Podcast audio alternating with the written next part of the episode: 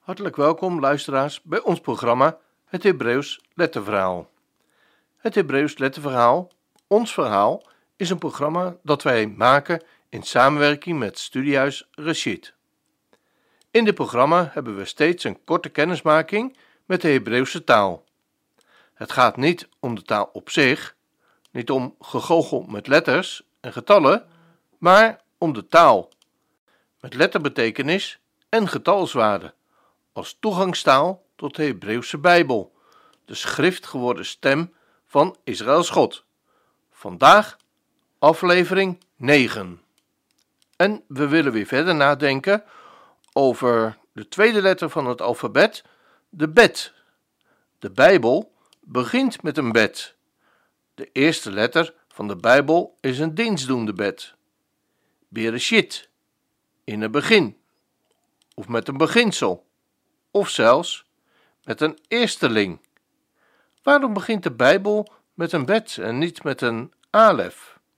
Daarover zou ook de alef zelf zich bij God beklaagd hebben. In het Hebreeuwse taaltraditie zijn letters als levende wezens. Waarom mag ik als eersteling niet de eerste zijn? God zou hem duidelijk hebben gemaakt dat hier, aan het begin van de scheppingsbericht, juist de bed op zijn plaats is. Immers, het doel van Gods schepping is dat deze aanvankelijk nog onherbergzame chaos zal worden tot een bed, een huis voor zijn volk en een abri voor hemzelf.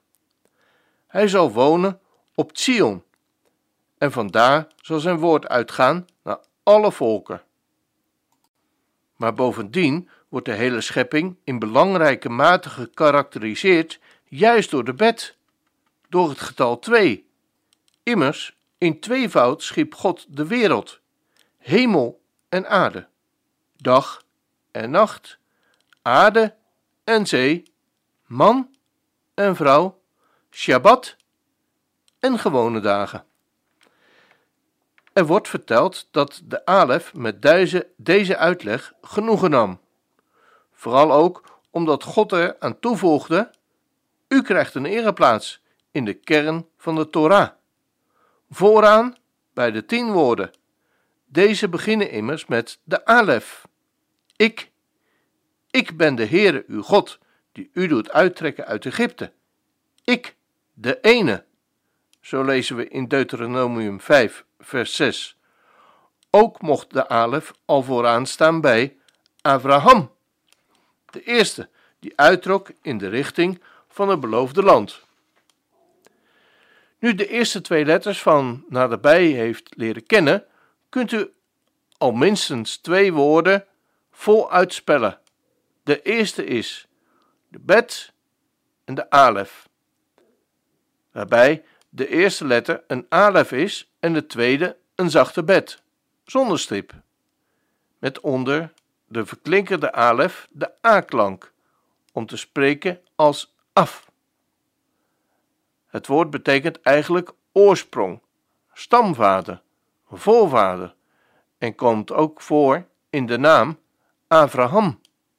Abraham, wat letterlijk betekent oorsprong van vele volken.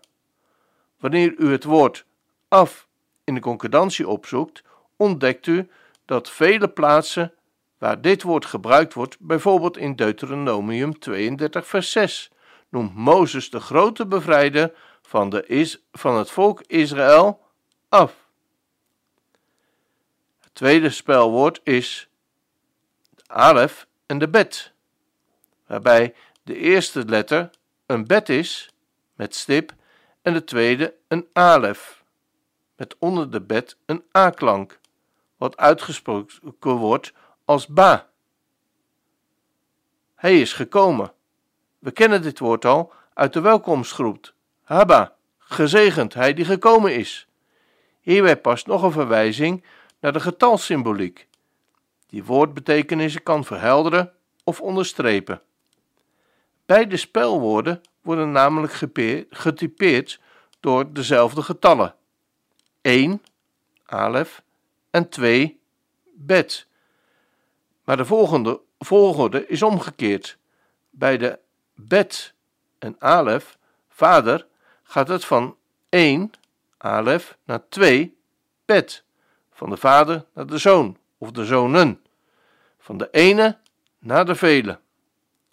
Bij alef en bet komen is de gang van de 2 naar 1.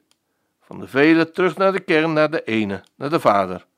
Een belangrijk aspect van het Bijbelse woord komen is terugkomen. Terugkomen tot Hem die tot ons gekomen is. Zoals we kunnen lezen in Jesaja 66, vers 23 en Matthäus 11, vers 28. Vader en zoon. Eben. Dat het woord vader af in het Hebreeuws met een alef begint en zoon, ben, met een bet, is het voor het Hebreeuwse taalbesef geen toevalligheid. Er zit een wijze levensles in. De vader draagt de alef. Hij gaat voorop. Hij is de eerste, de eerdere, de oudere. En de zoon wordt getypeerd door de bet. Hij is de tweede, die later is gekomen in een goddelijke tijdsorde. Bij de Hebreeuwse grondregel voor een gezonde samenleving is dat de lateren de eerderen erkennen en respecteren. Eer je vader en je moeder.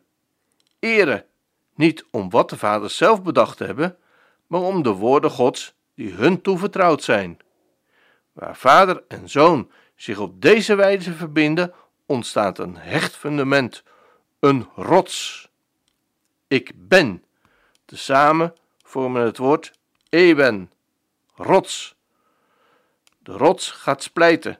De samenleving valt uiteen waar de zonen zich losmaken van de vaders en de woorden van God negeren. Een ander letterwoord waarin de eigene, waarin het eigene van de bed, huis, twee tot uitdrukking komt, is bara, scheppen. God schiep de wereld met de bed in tweevoud. Hemel en aarde, dag en nacht, aarde en zee, man en vrouw, en maakte hen tot één, tot een huis voor de mensen en voor hemzelf. Een typisch bedwoord is ook berek, zegenen. In het huis worden de kinderen gezegend, worden de zegenspreken uitgesproken over brood en wijn en wordt de vreemdeling welkom geheten. Baruch Abba. Tot zover deze aflevering. Mocht u meer willen weten of geïnteresseerd zijn in meer informatie over de Hebreeuwse taal, dan verwijzen wij u graag naar de website van Studiehuis Rashid www.studiehuisrashid.nl. U vindt daar alle benodigde informatie om op een heel toegankelijke manier kennis te maken met het Hebreeuws. Nieuwe afleveringen van dit programma vinden plaats op maandag, woensdag en vrijdag om 3 uur. Voor herhalingen van dit programma ga dan naar www.radioisrael.nl Radio Weekprogramma. Terugluisteren kan ook. Ga dan naar radioisrael.nl Uitzending gemist.